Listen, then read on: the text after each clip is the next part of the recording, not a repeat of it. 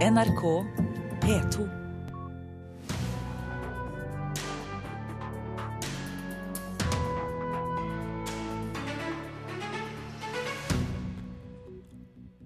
Riksantikvaren anbefaler å bevare Y-blokka i regjeringskvartalet, men som alternativ foreslår de å rive deler av den. Aldri har det vært flere skrekkfilmer på norsk kino, og snart er det halloween. Og så skal vi til spenningsfilmen om Kings Bay, som får premiere i januar 2017. Kari Bremnes spiller rollen som gravende journalist. Og den nye norske biografien om Roald Dahl lener seg altfor tungt på tidligere biografier, mener vår kritiker. Vi skal snakke om den eh, litt ut i sendingen.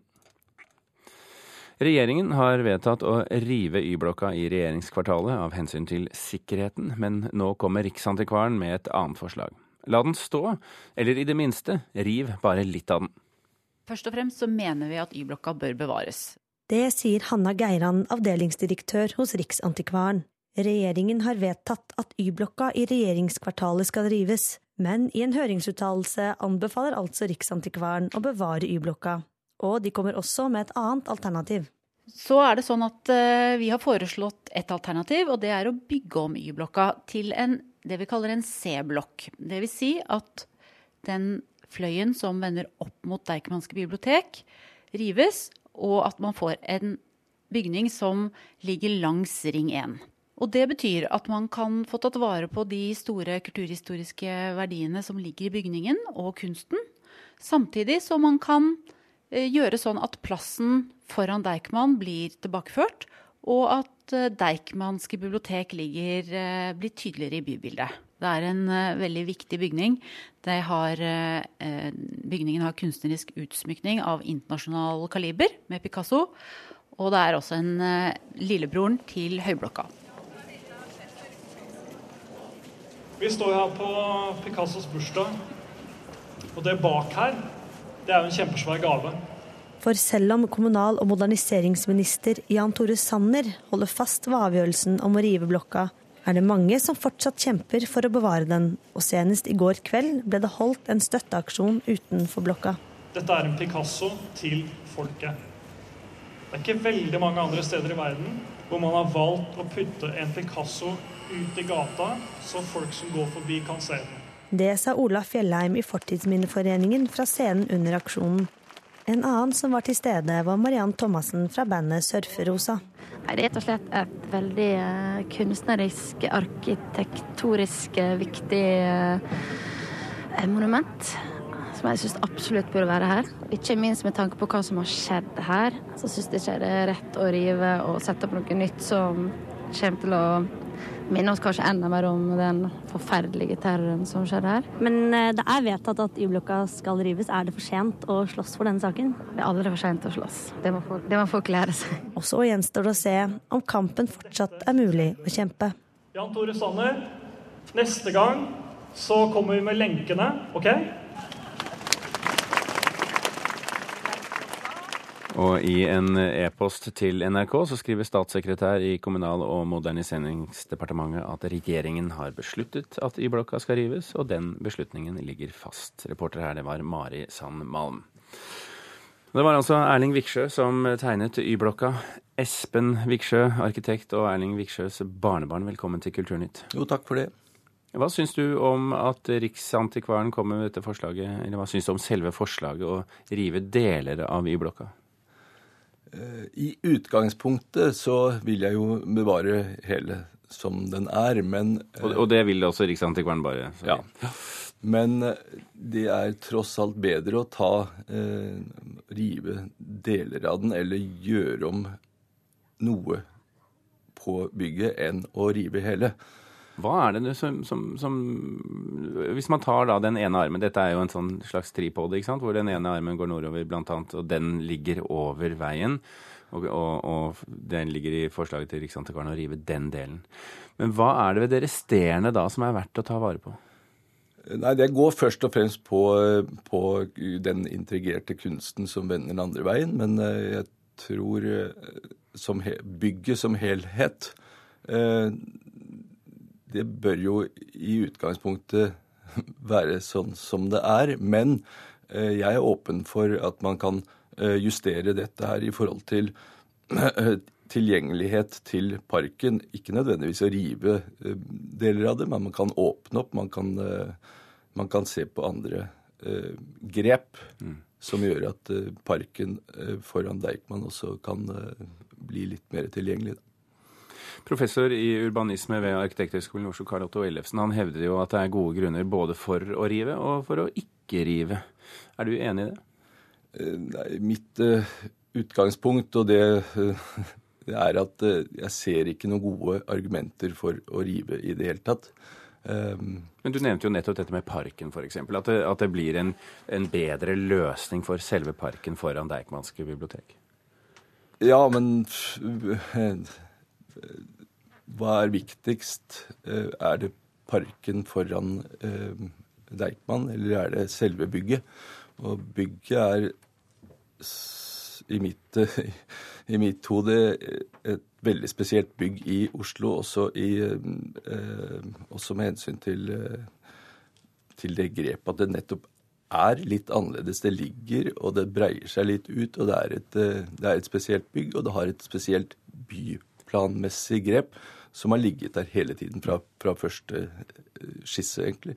Men hva sier du til de som mener at eh, Y-blokken i seg selv har en del svake sider eh, rent arkitektonisk også, altså med særlig da tanke på hvor den er plassert i byen? Hvorfor ikke bedrive litt byreparasjon her på gamle Hammersborg? Jo, det, altså absolutt. Jeg er for at man kan se på andre, men jeg må se forslaget. Altså Jeg har jo ikke sett noe jeg har sett et, eh, et, bilde på hvordan det kan se ut fra gata uten ene, den ene armen eller beinet. Men eh, jeg har jo ikke sett, på hvordan, jeg har ikke sett noen forslag på hvordan det kan se ut uh, uh, ut, altså, uh, med, med, den nye parken? Med den nye parken. så man kan alltid se på det. Men jeg, jeg, er ikke så redd for at den seg, den armen eller beinet strekker seg litt ut i en park. Eh, det er det, nettopp det som gjør at dette er litt, eh, er litt spesielt. Og, og man, kan, man, har nok av tradisjonelle byrom og parker i Oslo. Mm. Eh, Espen Viksjø, barnebarn av Erling Viksjø, arkitekten av Y-blokka. Takk for at du kom til Kulturnytt. Jo, takk for at jeg fikk være her.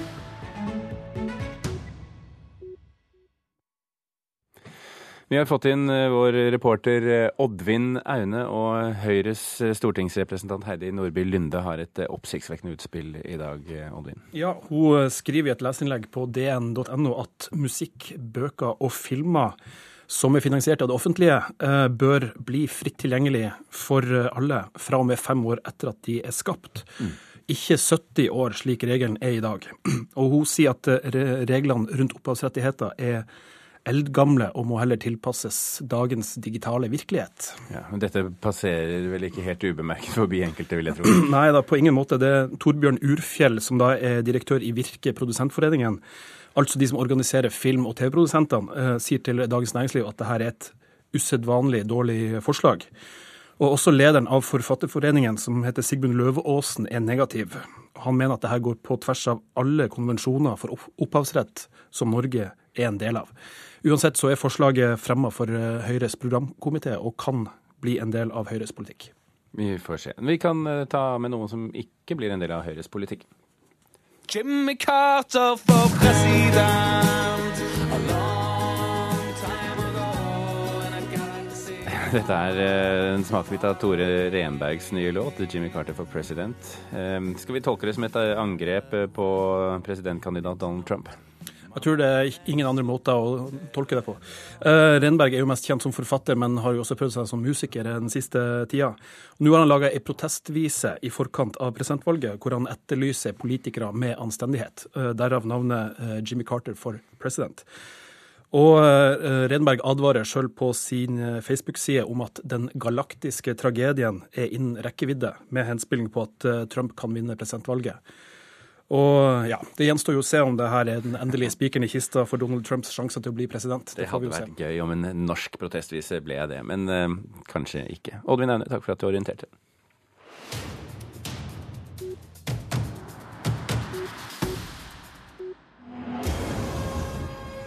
Legend said there's been a curse on these woods. Do you believe in the stories about the Blair Witch? På fredag er det premiere på Blair Witch, den andre oppfølgeren til en av de største kultfilmsuksessene gjennom tidene, liksom dokumentaren Blair Witch Project. Ikke rart, for aldri før har det vært så mange skrekkfilmer på norske kinoer. Så langt i år har godt over 330 000 publikummere dratt til salen for å bli vettskremt.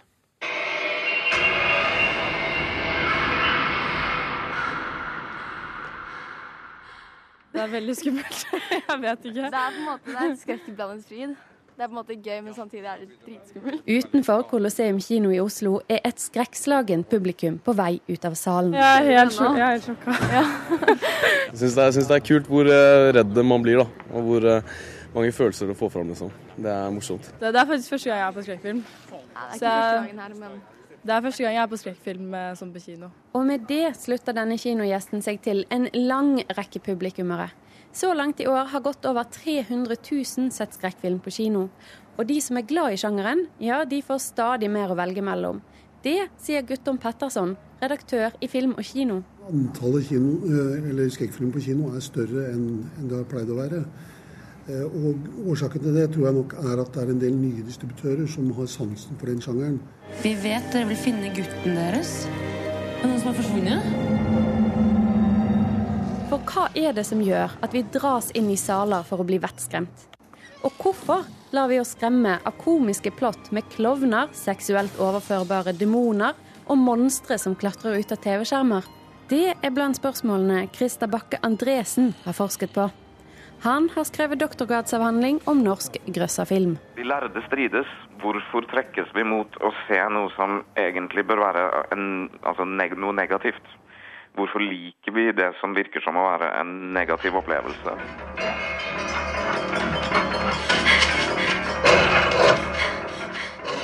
Vi setter oss for å se skrekkfilm, så er det kanskje mange andre ting enn bare skrekk som er det som tiltrekker oss. Kanskje ikke minst nettopp det å, se noen hanskes med frykt og trusler, og overvinne frykt og trusler. Det kan være veldig livsbejaende budskap i skrekkfilm, faktisk. Og jo mer skrekk vi ser, jo bedre liker vi å bli skremt. Vi har en annen type kompetanse på sjangeruttrykk nå enn sannsynligvis det som var vanlig på 70-tallet. Og det samme gjelder filmskaperne våre.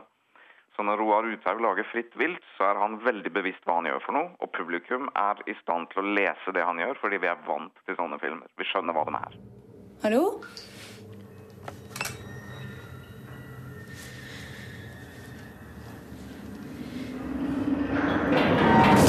Det er vel noe med, med disse plutselige effektene på, på den ene siden, og, og det at man, at man føler at man eh, ikke har noen utvei, altså at man er innestengt kanskje på, på forskjellig vis, og sånne ting, som, som, eh, som gjør at, eh, at vi liker å bli skremt på, på et vis.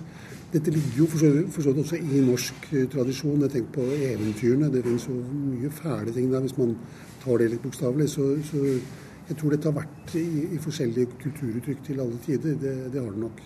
Skrekkulturen den strekker seg altså langt tilbake i tid. Og motivasjonen bak jakten på disse gyselige grøssene kan være så mangt. For en del av publikummet i Oslo så var kanskje litt fysisk kontakt det største målet for kvelden. Hvorfor går du på skrekkfilm? Uh, ja, ta, vel da, ta med dama, ikke sant. Det er litt klisjé. Er det den beste datemåten? Ja, det er vel det. Hittil, i hvert fall. Slutt lyd fra filmen Fritt vilt. Reportere var Philip André Johannesborg og Hanna Huglen Revheim. Daglig leder ved Senter for kjønnsforskning ved Universitetet i Stavanger og vaskeekte monsterekspert Ingvild Føland Helstrand, velkommen til Kulturnytt. Takk skal du ha. Hva er det med skrekkfilm som fascinerer, tror du? Altså, det er jo noe med monsteret som eh, på en måte representerer grensene mellom det kjente og det ukjente. Det forstyrrer på en måte det etablerte og eh, destabiliserer litt den kjente virkeligheten. For det må være et monster i skrekkfilm, en eller annen form for eh, ting man ikke har kontroll på? Ja, men monstre har jo veldig mange forskjellige former. Så noen monstre er jo altså, fysisk gjenkjennelige, altså et faktisk konkret monster. Mens andre monstre er jo mer ubestemmelige. Altså man kan ens, ens, egen frykt kan bli monsteret i skrekkfilmer. Mm. Vi, vi, hørte her i saken at det er skrekkfilmrekord på kino, at det aldri har vært vist flere skrekkfilmer enn nå. Sier det noe om samtiden vår? Ja, det gjør det. Jeg, det overrasker meg faktisk ikke i det hele tatt. Fordi vår tid er en destabilisert tid. Det er på en måte mange, mange nye, ukjente momenter. De etablerte knaggene vi har for forståelse, er i rask endring teknologisk utvikling, viske ut grensedragningene mellom kropp og teknologi, f.eks. De tradisjonelle politiske og økonomiske stormaktene har ressurskrise. Krig er ikke lenger organisert mellom stater, men nå er det med et mye mer uoversiktlig bilde, der enkeltindivider eller grupper slåss mot stater eller med, hverandre. Og vi har nye sosiale medier som bryter ned grensene mellom privat og offentlig. Sånn at det, alt dette er indikasjoner på at velkjente kategorier og forståelseshorisonter er eh, i endring eller i krise. Så mm. men, men, hvordan tolker du inn i dette bildet fenomenet killer clown, som vi har snakket litt om her i Kulturnytt eh, i noen uker? Altså dette fenomenet der folk kler seg ut som skumle klovner for å skremme andre folk på gaten om kvelden? Ja, det er jo et veldig interessant fenomen, faktisk. Fordi at eh, det er et monster som, eh, som du sa, er utkledd og hva er denne, altså, det med denne maskeraden som er så skremmende? Og jeg tror at et sånt monster kommer fordi at man eh, prøver å artikulere en slags frykt, eller òg å få eh, kanskje skremt på plass eller bekrefte noen tradisjonelle forståelser av hva som er monstrøst og ikke.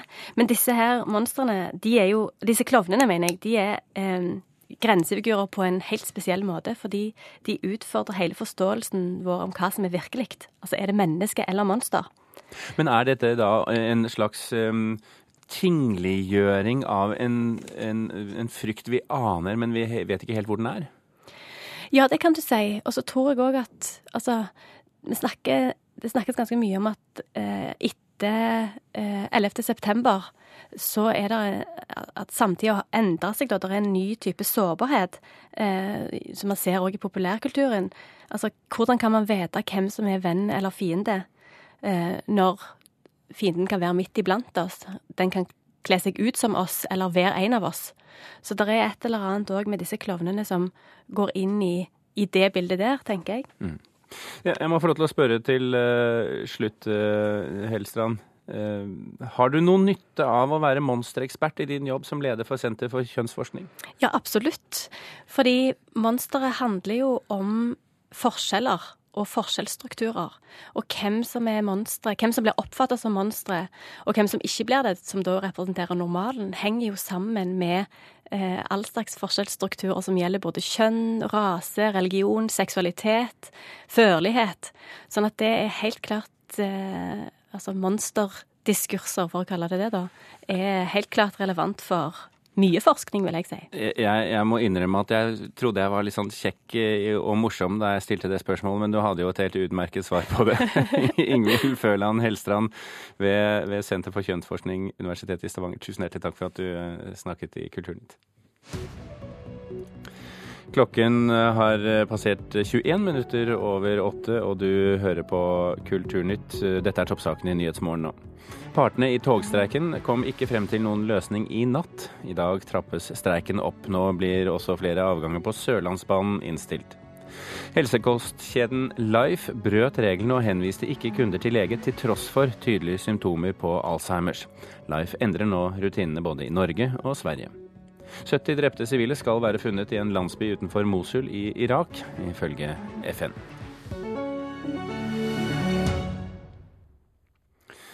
I år er det 100 år siden barnebokforfatteren Roald Dahl ble født, og nå foreligger den første norske biografien om Dahl, skrevet for voksne. Roald Dahl, 'Grensesprengeren', heter den, og skrevet av statsviter og Storbritannia-ekspert Øyvind Brattberg. Litteraturkritiker Knut Hoem, hvordan har Brattberg løst oppgaven? Brattberg skriver innledningsvis at han egentlig ønsket å studere enkelte temaer og områder i Dahls liv og forfatterskap, men at det vokste frem en mer konvensjonell biografi underveis i arbeidet. Og konvensjonelt har det blitt. Han eh, tar for seg eh, stasjoner i eh, Dahls liv og verk, altså, som jo var dramatisk nok. Altså, det inneholder både flystyrt i Libya under annen verdenskrig, tragisk barnedød, voldelige lærere og amerikanske filmstjerner. Hvilke kilder har han brukt når han går frem her? Han, seg, han skriver også at han lener seg tungt på de to engelske biografiene som er kommet om Dahl, og det er for å si det på engelsk faktisk et understatement. Altså Denne boken består faktisk i forbløffende grad av innsikter som Brattberg har tilegnet seg ved å lese biografiene til eh, Jeremy Triglone fra 94 og biografien til Donald Sturrock i, eh, i 2000, fra 2010. Men det er jo ikke nødvendigvis negativt hvis det er gjort på en bra måte? Det er negativt i denne sammenhengen her fordi at eh, Brattberg da kapitulerer litt og mangler egentlig et eget perspektiv på den mannen han skal forsøke å skildre. Det er utrolig mange fotnoter her til disse her to nevnte biografiene. Mange flere til de enn til f.eks. verket til Roald Dahl. Mm. Og, og, da forsvinner, eh, etter en lovende start der, eh, der Brattberg plasserer Roald Dahl på, i hans oppvekst, eh, egen oppvekst på Lillestrøm, så forsvinner liksom biografen ut av bildet, og så blir vi sittende igjen med, med disse to engelske biografiene, samt en del eh, sitater fra de selvbiografiske bøkene til Roald Dahl, som, som, som virker virker kjempespennende, og som jeg absolutt vil lese umiddelbart, nemlig Boy og, og Going Solo. Mm. Men betyr dette at vi står overfor en slags avskrift? bok her, Nå? Nei, det er ikke en avskrift fordi han forteller eh, hvor han har det fra hele tiden. Men, men, eh, men eh, det blir for, for, lite selvstendig. Man må som biograf ta et selvstendig grep om de kildene man har brukt. Og da er det ikke et stort problem at Dahl ikke har snakket med den nærmeste familien, ikke har tilgang til enken og sånt. Det går helt fint an å komme med en ny biografi om Roald Dahl og, så lenge man forholder seg selvstendig til de kildene man har til rådighet. Mm. Tor Edvin Dahl ga jo ut en biografi om Roald Dahl for, for, for en tid tilbake. Det var riktignok en biografi eh, til barn. Eh, dette er den første for voksne. Merkes det at det er en nordmann som har skrevet dette? Ja, det gjør det. Det er et eget kapittel her eh, som, mot slutten av boken som heter Norge. Ehm, det er eh, Men også der så driver eh, Brattberg med gjen, utstrakt gjenfortelling av historier som de to engelske biografene har gravd opp. Noe nytt kommer her i dette siste kapitlet, som eh, utover det at han hadde somre på Tjøme, Eh, litt står det om hvordan Dahl ble lest, utgitt og formidlet i etterkrigstiden. og Da får vi bekreftet det som vi vel har ant, nemlig at mottagelsen i Norge var veldig seig. Mm. F.eks. Charlie og sjokoladefabrikken, som kom på engelsk i 64, kom først på norsk i 72. Eh, ja. Eh, Knut Hoem, takk for at du kom til Kulturnytt. La oss bare si for lytterne også at de som er interessert i Roald Dahl og vil høre deg gå dypere inn i, i tematikken her, de kan høre på Kulturhuset litt senere på formiddagen. I januar er det premiere på den norske politiske thrilleren eh, Kings Bay. Filmen handler om en gruveulykke på Svalbard i 1962. Filmen er eh, artisten Kari Bremnes sin debut som skuespiller, og nå er første smakebit klar. Hallo, vi kommer fra Nordlys, avisen. Jeg har kommet over noen gamle lyder her. Jeg lurer på om du har muligheten til å spille? Det du hører her, er Kari Bremnes i sin aller første filmrolle. Bremnes spiller hovedrollen i spenningsfilmen Kings Bay. Det handler om en journalist som begynner å undersøke gruveulykka på Svalbard i 1962, der 21 gruvearbeidere mista livet. Sjøl er hovedrolleinnehaveren opptatt med norgesturné, men ifølge regissør Stig Svendsen har Kari Bremnes gjort en strålende filmdebut. Jeg syns hun har gjort en veldig bra jobb. Hun klarer seg veldig veldig godt. Jeg tror man blir positivt overraska over Kari. Altså. Hun gjør en solid rolle. Bakteppet for filmen er ulykka i Kings Bay-gruven i Ny-Ålesund på Svalbard den 5. november 1962. Under nattskiftet mista 21 personer livet i en kraftig gasseksplosjon. Ulykka førte til regjeringskrise, og at Einar Gerhardsen måtte gå av som statsminister. Hva om det ikke var ei ulykke? Og hva om regjeringa fikk et varsel om at det her kunne komme til å skje? Ja, Hvis det her er sant, så sitter vi på den største skandalen i norsk politikk i etterkrigstida.